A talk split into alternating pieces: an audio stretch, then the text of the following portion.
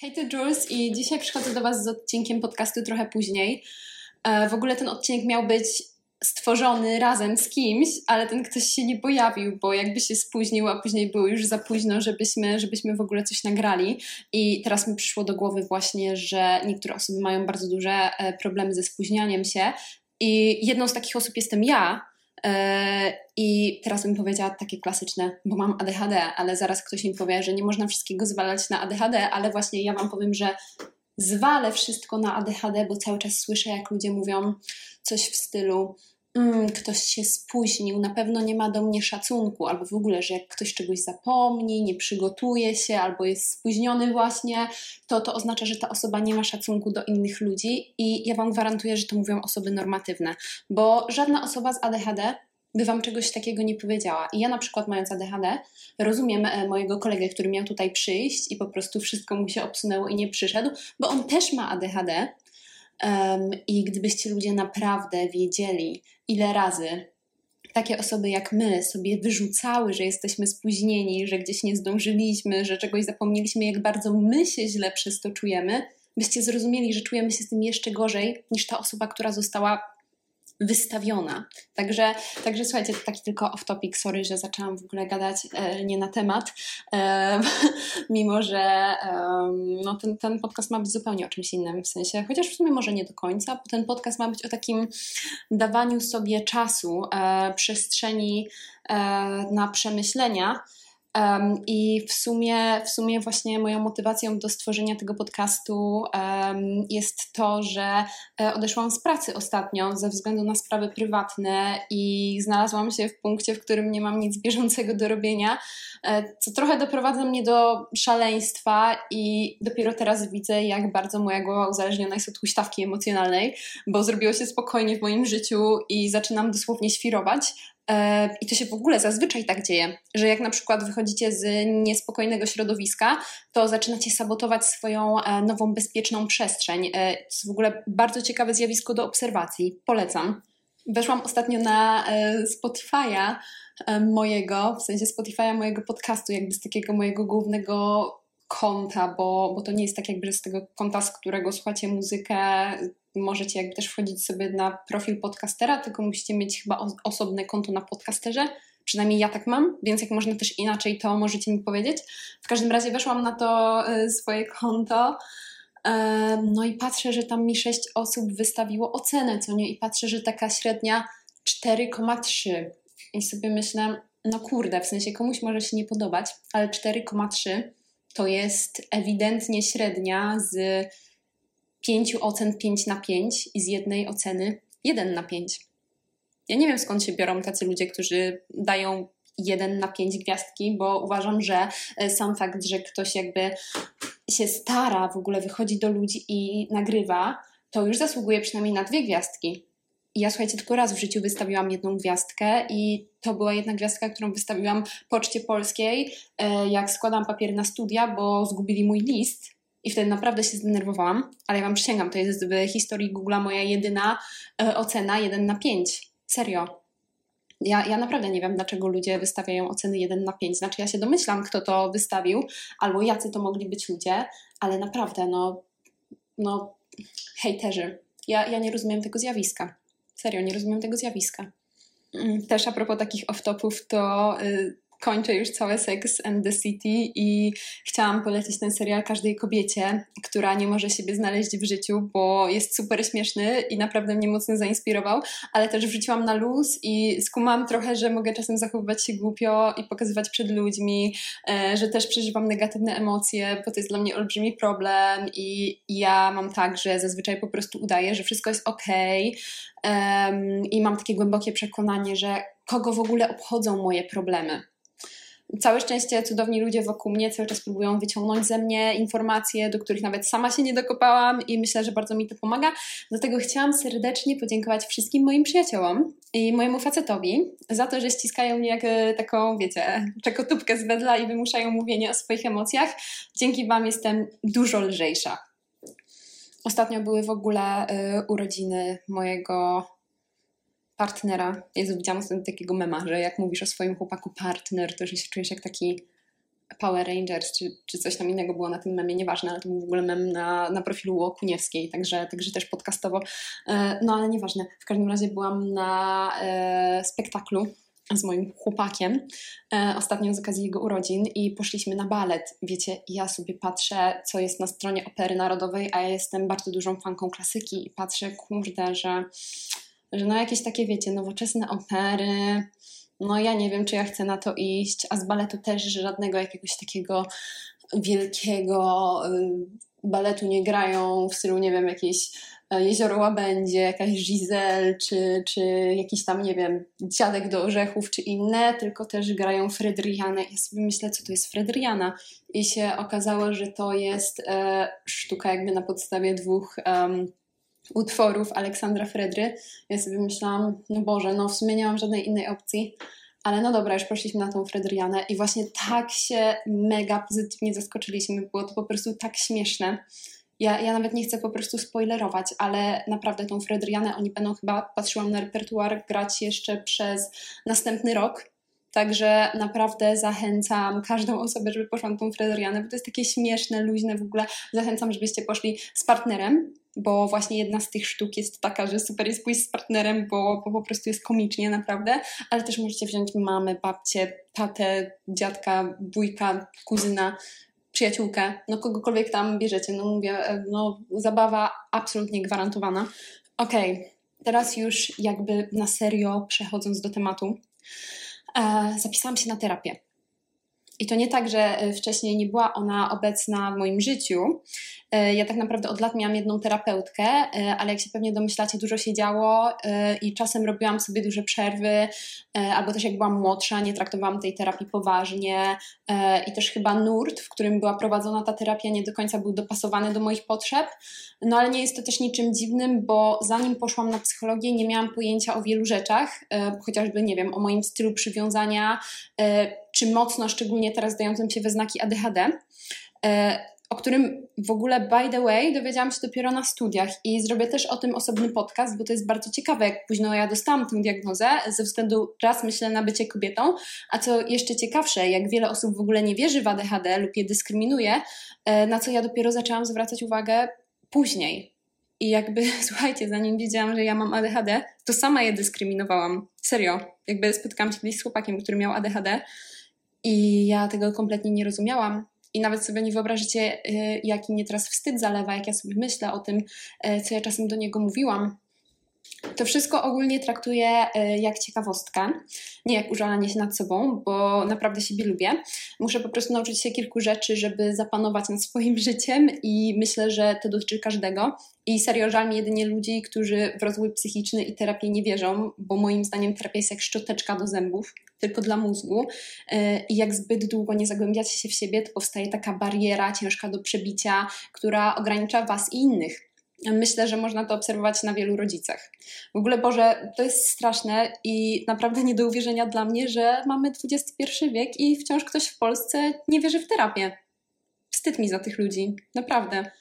E, I wszystko, co do tej pory powiedziałam, jest jak najbardziej, myślę, związane z tematem, bo dzisiaj rozmawiamy właśnie o dawaniu sobie czasu e, i nie obwinianie się za to, że może aktualnie nasza, nie wiem, kariera stoi w miejscu, albo studia, albo zakończyliśmy związek, albo inną ważną dla nas relację. W każdym razie wydaje mi się, że wydaje nam się, że nic nie mamy, wszystko straciłyśmy, że jesteśmy beznadziejne że ludzie się nad nami litują, albo że w ogóle gdyby wiedzieli, jakie jesteśmy naprawdę, to by wcale nas nie lubili. I autentycznie to jest mega smutne, bo prawdziwe. Ja sobie tutaj y, mówię o tym na podcaście, z czego jestem dumna naprawdę, ale to dotyka wielu ludzi i wiele ludzi o tym nie mówi. Żyjemy w świecie, w którym każdy pokazuje publicznie najlepszą wersję siebie, a jak ktoś płacze w internecie i użala się nad sobą, to często jest to uznawane za pokaz, e, sypie się mnóstwo hejtu i w ogóle cała Polska krzyczy: Nie użalaj się nad sobą. E, posty na tych wszystkich forach pomocowych są w większości anonimowe, żeby nikt ze znajomych nie wiedział przypadkiem, że jest nam gorzej niż pokazujemy na Instagramie, że rzucił nas facet dla kogoś innego, że nie układa nam się z rodziną, albo że toniemy w długach, a przecież to jest takie normalne. Każdy doświadcza w życiu czegoś nieprzyjemnego, bo nie dostajemy w szkołach uniwersalnego podręcznika szczęśliwej egzystencji albo takiego eliksiru, że wszystko się udaje, jak w Harry Potterze w ogóle w szoku jestem, jak bardzo my nie doceniamy siebie i trudu, z którym się zmagamy na co dzień, e, i jak bardzo ulegamy iluzji, że życie stało się takie łatwe, odkąd mamy internet i szybkie środki transportu. Przecież my mamy problemy, tylko mamy inne problemy i nie użalamy się nad sobą, tylko walczymy. Walczymy z rzeczami, z którymi nikt nigdy nie nauczył nas walczyć. E, ja w zeszłym tygodniu e, przeczytałam Dumę i Uprzedzenie Jane Austin, Austen, Austin, nie, no dobra, Austin na pewno nie, e, nieważne. E, no i pomijając e, fakt, że ta książka jest bardzo zacofana pod pewnymi względami, e, oczywiście mam na myśli prawa kobiet tutaj głównie i wiele rzeczy też w niej jest wręcz komiczna, to jednak pokazuje realia życia w um, XVIII, tak, ona została napisana w 1813, tak, no to XVIII-XIX wieku, znaczy no źle to ujęłam, bo ta książka jest jak na swoje czasy niezwykle postępowa, ale oczywiście z perspektywy dzisiejszych czasów maluje się to nam zupełnie inaczej. E, w każdym razie tam jest opisane życie tych sióstr, już Wam nie będę spoilerować, o czym książka jest dokładnie. E, w każdym razie są te siostry, no i słuchajcie, życie codzienne dosłownie mija kobietom w tamtych czasach na pisaniu listów, długich spacerach, e, rozmowach, kawach, herbatach, okazyjnym odwiedzaniu znajomych czy rodziny, no, no, to jest naprawdę nie do na przykład dla współczesnej mieszkanki miasta, której życie pędzi. E, jedna rzecz się kończy, zaczyna się następna, ciągle trzeba gdzieś być na czas, przychodzi miliard powiadomień na Messengerze. To są w ogóle dwa różne światy, to co się działo w głowach ludzi kiedyś i to co mamy teraz. I wiecie, oni tamte czasy uważali za postępowe gdy okazyjnie pojawiał się jakiś nowy wynalazek, dzięki któremu można było szybciej szyć albo jechać powozem, i to była współczesność. A w naszym życiu, w ciągu mojego życia i życia moich starszych kolegów, pojawiły się smartfony, y, skomplikowane badania DNA, y, sztuczna inteligencja, y, media oblegające nas z każdej strony, żabki na każdym roku, rogu wypełnione słodyczami, alkoholami, papierosami, liczba nie wiem, samochodów zwiększa się z zawrotną prędkością. Gdziekolwiek nie spojrzysz, masz baner reklamowy i to jest tylko 200 lat. Od tamtego czasu, kiedy ta Jane Austen, Austin, y, Boże, no ja siebie po prostu pokażę na tym podcaście, no, no nieważne. To jest tylko 200 lat i my jesteśmy bombardowani miliardem rzeczy. Mózg ludzki dochodził do obecnego kształtu dosłownie setki milionów lat setki milionów lat, nie wiem dokładnie ile, sprawdźcie sobie w necie, ale coś takiego. A my daliśmy sobie 200 lat i nie wiem, co myśmy sobie myśleli, że to wystarczy? I my mamy absolutne biologiczne prawo, żeby czuć się przestymulowanym, zagubionym, zmęczonym, żeby dać sobie czas off. Ja wiem, że to jest trudno, y, szczególnie jak codziennie trzeba chodzić do pracy czy szkoły, ale są takie momenty, że mamy okazję się zresetować i wiele osób zaczyna się wtedy obwiniać, że nic się nie dzieje, że jestem bezużyteczna, że ci wszyscy ludzie na TikToku mają te idealne sylwetki i kariery, a ja siedzę w domu na dupie. Ja wiem, bo ja sama tak robię. I serio, to jest takie głupie, y, że my żyjemy w świecie, który każe nam tak myśleć i tak się porównywać. Kiedyś ludzie mieli dużo mniej decyzji do podjęcia i dużo mniej myśli w głowie, yy, mogli być skupieni, naprawdę było im łatwiej żyć w chwili obecnej. I to nie jest tak, że ja sobie wymyślam. Ja jestem na psychologii i miałam już pewne podstawowe prawa umysłu naświetlone. Yy, ja to po prostu wiem od ludzi dużo mądrzejszych ode mnie. I ja sama tak funkcjonuję, słuchajcie. Jak coś się nie dzieje w moim życiu, to ja po prostu dostaję okropnych wyrzutów sumienia. Mam wrażenie, że jestem bezużyteczna, że nie mam sobą nic do przekazania, że nikt się nie chce ze mną zadawać, że wszyscy widzą, że nie wiem, że jestem leniwa albo niekonsekwentna, albo mało zdolna. Ja tak o sobie czasem myślę i wiecie, nie wstydzę się tego mówić już teraz, e, bo teraz rozumiem, jaka to bzdura jest jak bardzo dałam się pochłonąć temu światu, e, tym wszystkim standardom piękna czy stylu życia. My wszyscy dajemy z siebie wszystko, co możemy, e, ale no nie możemy cały czas tak na pełnej. Wiecie, co chciałam powiedzieć. I to nie jest tak, że masz prawo być zmęczona tylko jeśli masz dwie prace naraz, studia i jeszcze chodzisz na siłownię. Ciężar psychiczny możesz odczuwać nawet siedząc cały czas w domu i możesz naprawdę być zmęczona. Naprawdę zmęczona. Nikt nie uczy nas technik rozluźniania się czy czyszczenia umysłu z niepotrzebnych myśli. W ogóle nikt nie uczy nas myślenia i radzenia sobie w tym wielkim świecie.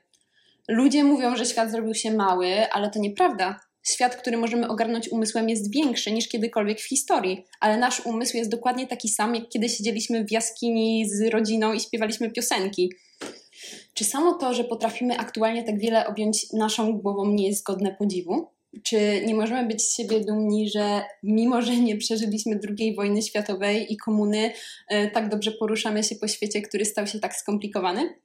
Bo starsi ludzie są pierwsi, żeby nam powiedzieć, że jesteśmy niewdzięczni, że za ich czasów nie było nawet niczego w sklepach, ale czy oni faktycznie wiedzą, e, jak to jest za naszych czasów, skoro nawet nie potrafią do końca obsługiwać smartfonów? A my mamy już po 5 lat i przeglądamy TikToka, dosłownie. Boże, jak mnie to w ogóle irytuje, jak ja widzę w autobusie jakąś babę, która po prostu daje e, telefon dwuletniemu dziecku na przykład. Znaczy ja nie potrafię sobie wyobrazić na razie, bo nie mam dzieci, ale no tak chyba nie powinno być, co nie? I ja słuchajcie, jestem z siebie niezwykle zadowolona. Naprawdę chwalę się Wam teraz, bo jestem po prostu z siebie dumna. Doszłam w tym tygodniu do momentu, w którym sobie odpuściłam, w którym zrozumiałam, że moje zdrowie psychiczne stoi na pierwszym miejscu i nigdzie dalej nie zajdę, jeśli się na nim nie skupię i nie odpuszczę trochę tego wszystkiego. E, I wiem też, że nikt mnie za to nie powinien oceniać, a już na pewno, że zrozumieją to moi bliscy, że mogę przez chwilę nie pracować, że potrzebuję terapii, że mam urlop dziekański, e, bo mam 21 lat. Ale świat tak przyspieszył, że otrzymałam w życiu więcej wiadomości niż jeden 40-latek. I mogę być zmęczona, i mogę zrobić sobie przerwę. Tak samo jak każdy inny, kto czuje się zmęczony i czuje, że nie żyje w obecnej chwili. W ogóle, e, sorry za off-top, e, ale teraz mi się przypomniało, że e, czytam książkę Sztuka obsługi waginy. Ona jest w ogóle napisana przez dwóch autorów. Jeden z tych autorów to jest facet. Jezu, jak on się nazywał? No może później jak będę edytować podcast, to jakby wkleję jeszcze jak on się nazywał. No a druga to jest dziennikarka Jagna Kaczanowska. Ona w Twoim stylu dużo pisze. No i słuchajcie, ja w ogóle w szoku jestem, jak wiele kobiet się wstydzi swoich narządów rozrodczych. I ja Wam powiem, że ja sama w życiu się jakby w lusterku przeglądałam tylko dwa razy. I, i, no i ostatnio właśnie się przeglądałam, bo ta książka mnie zainspirowała. E, I to było bardzo otwierające oczy przeżycie. Także, także mm, dziewczyny, jeżeli mnie teraz słuchacie, to naprawdę weźcie małe lusterko i się obejrzyjcie. Bo wiecie, bo my poświęcamy y, tyle czasu w swoim życiu oglądaniu swojego tyłka, oglądaniu swojej talii, oglądaniu swoich pryszczy, e, ale żeby tam spojrzeć, jakby na ten narząd, Boże, widzicie, bo ja się wstydzę powiedzieć po prostu wagina. No, ale chyba już ktoś tak mówił, więc nieważne. W każdym razie ten bardzo często używany przez nas narząd my po prostu strasznie pomijamy. Więc, więc to jest po prostu e, wasz sygnał od wszechświata, żeby wziąć lusterko i się obejrzeć. E, tyle chciałam powiedzieć na ten temat. Słuchajcie, moje koleżanki są takie zestresowane. W tym tygodniu chyba trzy moje koleżanki miały załamanie nerwowe, co mnie zmusiło do 3-kilometrowego spaceru po Warszawie do pojechania na jakiejś zatupie nad wodę. Nie no, żartuję. Ogólnie wszystkie te rzeczy były cudowne i no ale no, nieważne. Naprawdę było cudownie, bo ja wiem, mnie słuchacie, było cudownie. Ja tylko e, chciałam tutaj wyolbrzymić. Ja uwielbiam słuchać o problemach, stresach i tak dalej. Jestem po prostu pierwsza chętna. No, ale no oprócz tego e, jeszcze oczywiście rozmowy jakieś długie telefoniczne, bo teraz jest czas sesji i wiecie, na mnie w tym roku tyle spadło rzeczy, że gdybym ja jeszcze teraz miała być na studiach, bo jestem na urlopie dziekańskim, to, to ja nie wiem, jak ja bym wytrzymała. Jak ja patrzę na te moje płaczące koleżanki, stresujące się po prostu wszystkim, to myślę sobie, Boże, Boże, jak ja dziękuję, że Ty mi wskazałeś taką drogę, że ja teraz jestem na urlopie dziekańskim. To jest po prostu olbrzymie błogosławieństwo. Słuchajcie, sprawdziłam dla Was specjalnie, jak nazywa się ten drugi autor książki, i to jest Adam Gryżewski. E, I słuchajcie, ja wstawiłam na story, że czytam tę książkę, i moja mama się tak żywnie oburzyła, że ale co mężczyźni mogą o tym wiedzieć? Co mężczyźni mogą wiedzieć o waginie? No i tak samo jak do mojej mamy, teraz Wam powiem, że właśnie ta książka zaczyna się od wytłumaczenia, dlaczego autorem tej książki jest mężczyzna. I tak jak wiecie, że ja zawsze po prostu jestem pierwsza, żeby gadać o mężczyznach w negatywach, to e, tutaj jestem naprawdę pod dużym mm, wrażeniem, bo, bo ten facet to jest specjalista, który ma olbrzymi jakby podziw do kobiet i, i do ich właśnie narządów rozrodczych i, i bada bada mm, te wszystkie rzeczy przez całe swoje życie.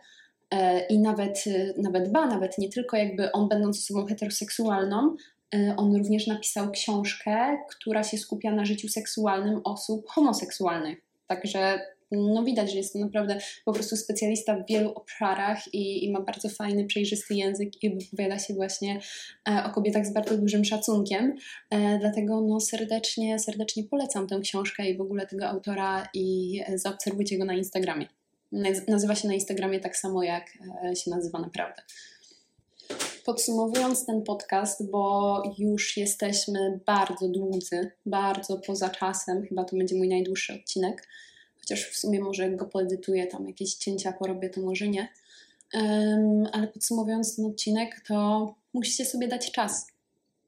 I mówię to w pełni świadomie. Nie ma nic złego w tym, że um, nie, robicie coś przy, nie robicie czegoś materialnie wartościowego przez dzień, tydzień, może nawet miesiąc, jeżeli faktycznie możecie sobie na to pozwolić um, potrzebujecie odpoczynku i macie czas, uwierzcie mi.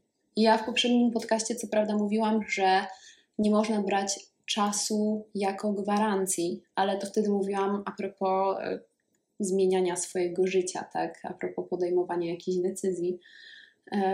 To, to uważam, że tak, jeżeli chodzi na przykład o odejście z toksycznego związku, to nie bierzcie czasu jako gwarancji, bo nigdy nie wiecie, co może się stać. E, ale w tym przypadku, kiedy jesteście po prostu przemęczone i kiedy potrzebujecie czasu dla siebie, to ten czas staje się dużo bardziej wartościowy. To życie staje się dużo bardziej wartościowe, jeżeli przechodzicie je z czystą głową. I uwierzcie mi, na, na świecie są ludzie, którzy bardzo zwlekali i na przykład bronią swoje doktoraty w wieku 80 lat. Wyskoczył mi taki post gdzieś ostatnio. W wieku 80 lat a my mamy, wiecie, po 20-30 i się zamęczamy na przykład, że jeszcze nie mamy, nie wiem, idealnej sylwetki, albo nie mamy chłopaka, albo um, nie mamy wymarzonej pracy, albo nie zostałyśmy gdzieś przyjęte. No, trzeba sobie naprawdę dać czas. I życzę Wam tego z całego serca. I mam nadzieję, że będziecie mieć cudowny wieczór, dzień, kiedykolwiek tego słuchacie. I to będzie na dzisiaj wszystko. Trzymajcie się. Pa, pa.